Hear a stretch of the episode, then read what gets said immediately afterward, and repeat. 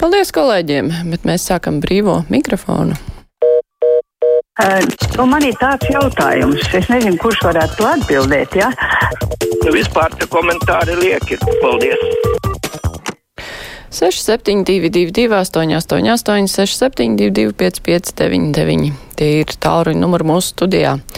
Jūs varat mums arī sūtīt ziņu no mājaslapas. Klausītājs Ivars raksta pieņemu, ka lielāka jēga cīņai ar alkoholu būtu vispār zināmā un pieņemtā praksa tirdzniecībā produktu pārdot kompleksā. Tas ir kopā ar vienu litru piena vai kefīra. Tāpat var izmantot sieru. Kopā ar sieru Latvija burvīgais alus iedzirkstīs jaunās garšās. Nu, kaut kā tā, un tas noteikti Latvijas zemniekiem dos lielāku pienesumu nekā reklāmas aizliekšana, jo arī reklāmai jābūt vienotai vienā pudelē divi - dzīvība balta un nāve bez skata tādu rakstu mums ir atsūtījis Ifars. Pacaušu klausulu. Labdien, esat ēterā. Labdien! Tad man ir savs viedoklis par jaunajiem doktoriem un ārstiem rezidentiem. Es domāju, visu cieņu viņiem, jo viņi zinoši, centīgi un uh, ar labām valodas zināšanām. Un tieši Covid pandēmijas laikā, es domāju, lielu daļu no tā smaguma viņi iznes sevišķi. Es, uh, Stradiņa klinikā tas bija ļoti pamanāms. Bet kauns bija klausīties cienījumā doktora un laikam caurkrituši politiķu Māra Pļaviņa komentāru medijos. Uh, viņš teica, ka jaunie ārsti ir uzpirkti ar algu palielinājumu, tāpēc neatbalstot piedalīšanos mediķu streikā. Jādomā, ka viņš dzīvo kādā citā realitātē. Paldies par jūsu uzvanu. Jānis raksta, kādēļ vīriešiem ar saviem nodokļiem jāsadz sieviešu higienas preces, lai sievietes sametas ar saviem nodokļiem, nevis prasa no visiem.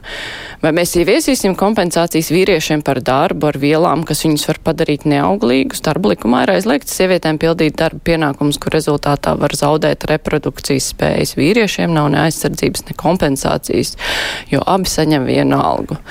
Jā, Jānis, laikam ir tāds liels atspaids pēdiņās eh, saviem līdzcilvēkiem.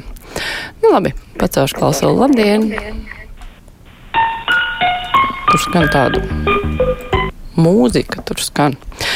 Tā klausītājs, kur mums ir vēsture, klausītājs zvana. Labdien, brīvais mikrofons. Labdien! Labdien! Vakardien uh, televīzijā rādīja, ka Pīlēns kandidētu uz prezidenta amatu, bet pa priekšu, lai viņš sabiedrībai atskaitās, kādā ceļā viņš ieguva miljardāra amatu. Un vai viņam tas miljonu daudz, tad viņš varētu ar savai mi ministrei, veselības ministrei arī iedot kādu uh, miljonu. Būtu mediķiem nebūtu jāstreiko. Jā, paldies. Nu, mediķiem ar miljonu, ko kāds eh, privāta persona vai pat politiķis iedot, tur jau nekas nebūtu. To jau vajag ilgtermiņā ieplānot. Bet tas, ka viņš būtu pre, par prezidentu piekrīts, viņš jau visu laiku teica, ka, ka nē, bet nu labi, redzēsim. Tagad jau sāksies interesantais laiks, kad parādīsies prezidenta kandidāti vēl neoficiāli, bet uh, tas būs vēlāk. Klausītājs zvana, labdien! Halo, halo, esat ēterā. Nu, ja nerunā, tad nerunā. Tā Gvido vaicā, gribētu zināt, kāpēc Latvijā ir augstākā degvielas cena starp Baltijas valstīm. Un kā kurā brīdī tur brīžiem Migauņiem arī ir tā diezgan paaugsts, Lietviešiem parasti ir zemāka. Nu, tā mums ir. Tas jau ir skaidrots, tam ir droši vien sakars arī ar nodokļiem.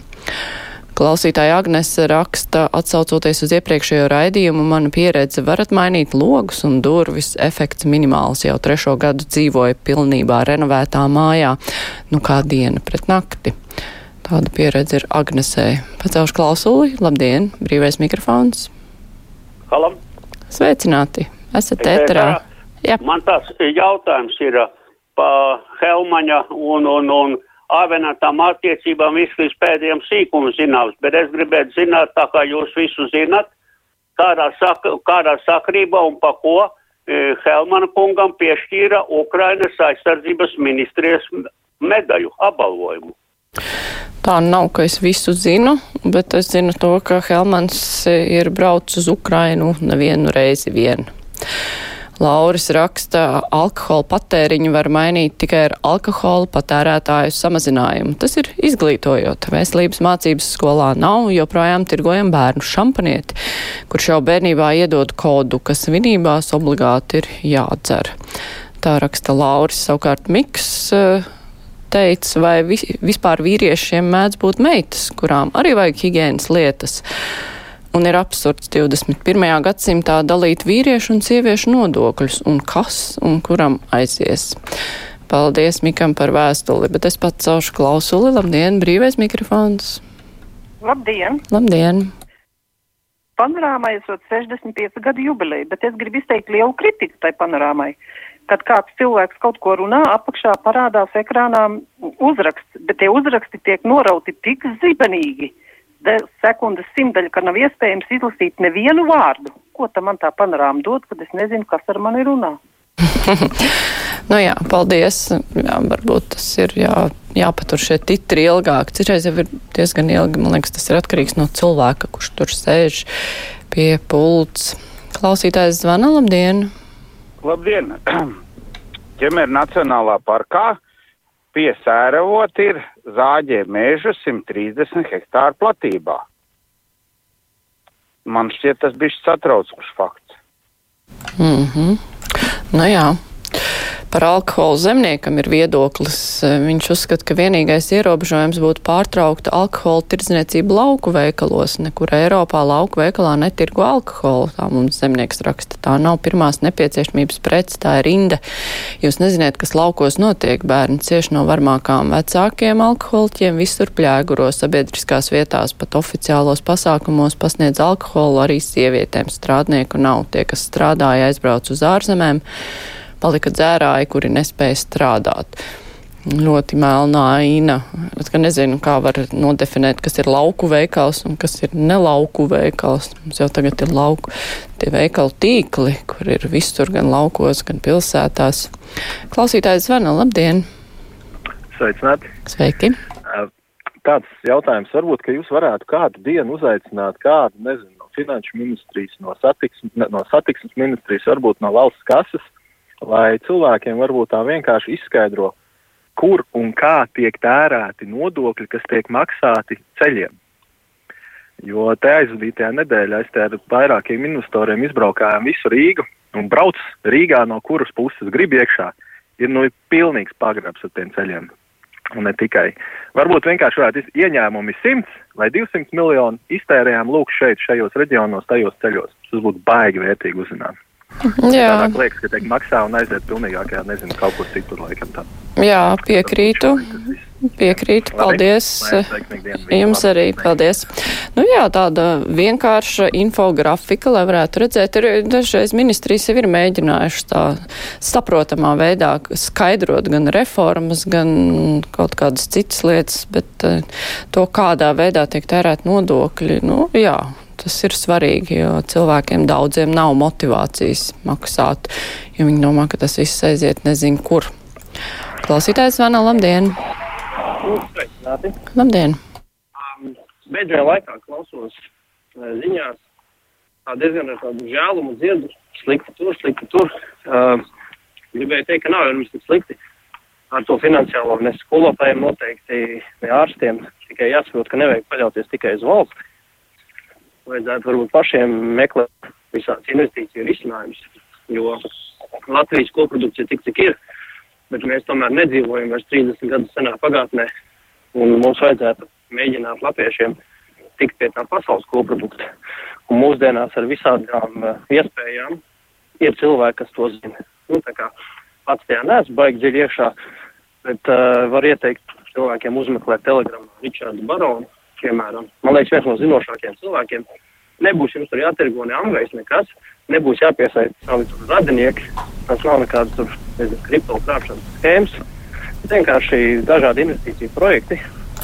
Nu jā, nu, es gan nezinu, kā viens skolotājs varētu taisīt sev investīciju projektus paralēli savam tiešajam darbam. Labi, mums vēl ir laiks, pacaušu klausulu. Labdien, esat ēterā? Labdien!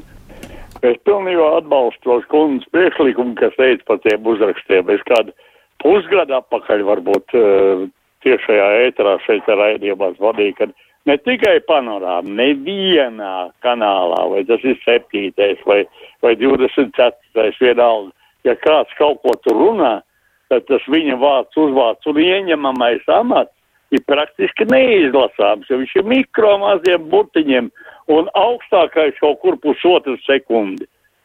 Bet to jau es sen jau runājam, un bet tas ir visos, visās televīzijās. Tur vai nu cilvēkiem bija pašvakar domāšana, vai, vai vispār nezinu, kas tur notiek.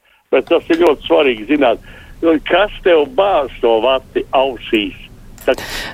jā, es atslēdzu, bet jā, par to vati ausīs, bet tad uh, televīzijā visi tikai vati bāž ausīs, tā jums šķiet.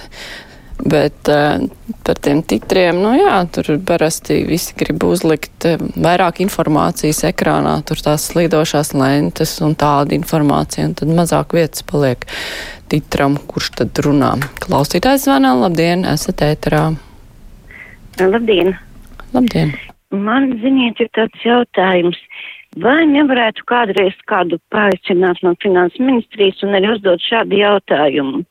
Finanšu ministrijas pakļautībā valsts ieņēmuma dienests. Viņi, teiksim, man ir tāda sajūta, ka tur vispār analītiskais dienests vispār nestrādā. Bet situācija ir tāda, kāpēc man kā pensionāram, kas strādājis mūžu, ir nopelnījusi pensiju tad aiziet pensijā, es no pensijas maksāju nodokļus.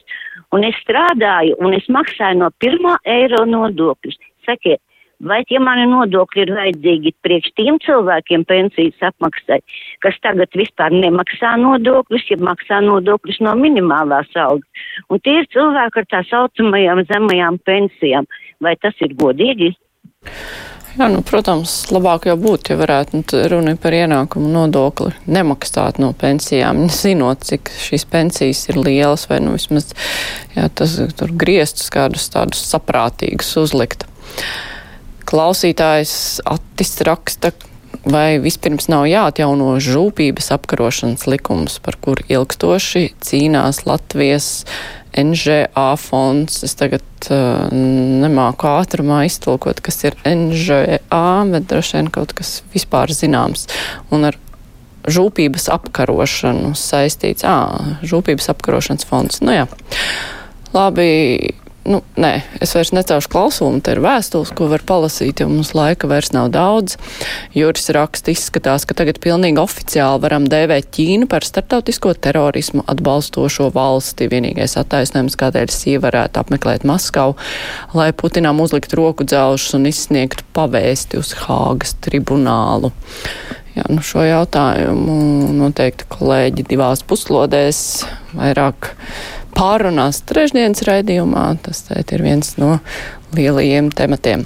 Bet brīvais mikrofons ar to izskan. Paldies visiem klausītājiem, kuri rakstīja, kuri zvanīja, un, protams, arī visiem, kuri klausījās. Tagad būs ziņas, un pēc tam mūsu studijā būs Latvijas jauno ārstu asociācijas biedrs Kārlis Rācenis.